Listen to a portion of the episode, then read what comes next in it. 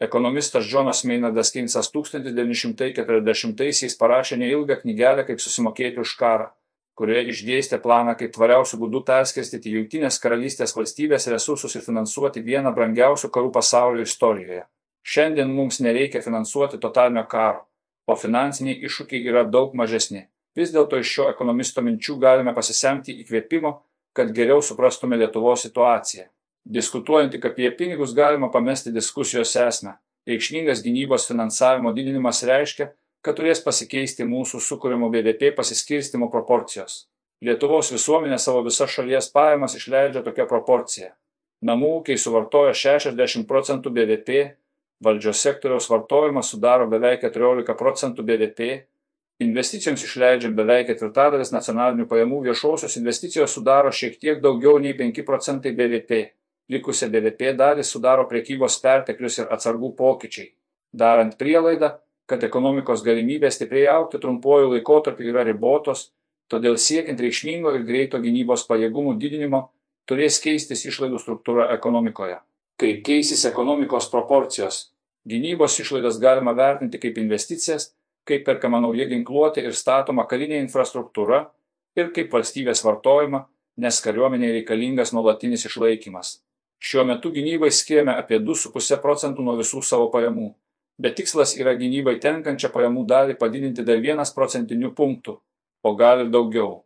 Vadinasi, viešojo sektoriaus investicijos ir vartojimas turės užimti didesnę dalį ekonomikoje, kurios kitos ekonomikos dalis gali sumažėti, privačios investicijos didelė dalimi užtikrina ateities ekonomikos augimą, todėl jų mažinti nevalia.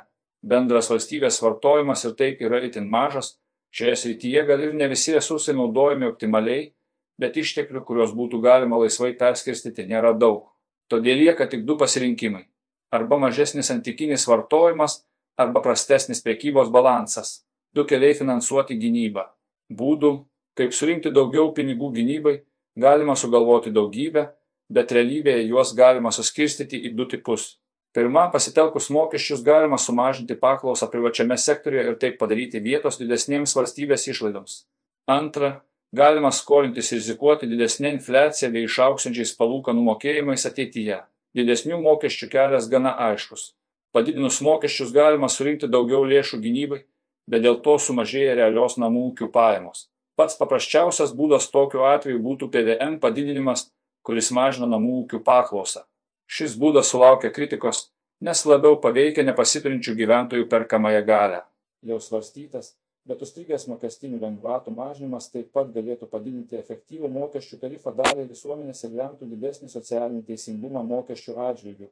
Didesnių išlaidų finansavimas mokesčiais, žinoma, tvariausias sprendimas ilgalaikėje perspektyvoje.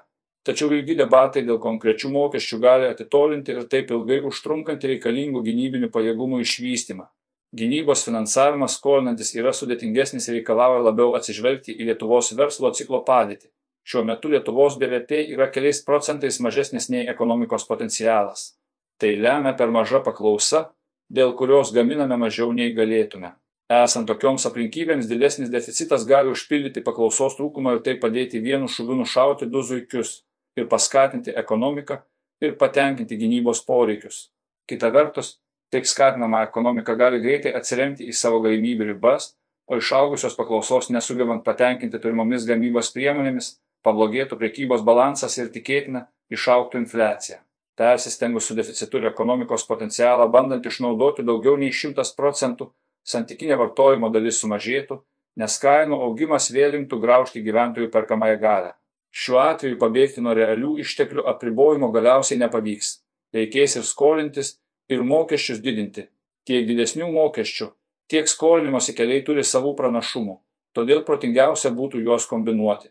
Vyriausybės skaičiavimu nuo 2030 metų nuolatinės kariuomenės išlaidos išlaikyti didesnį infrastruktūrą, ginkluotę ir personalą padidės 0,4 procentai BVP arba maždaug 300 milijonų eurų šiandienos kainomis. Ši suma nuolatiniam išlaikymui turėtų būti finansuojama didesniais mokesčiais.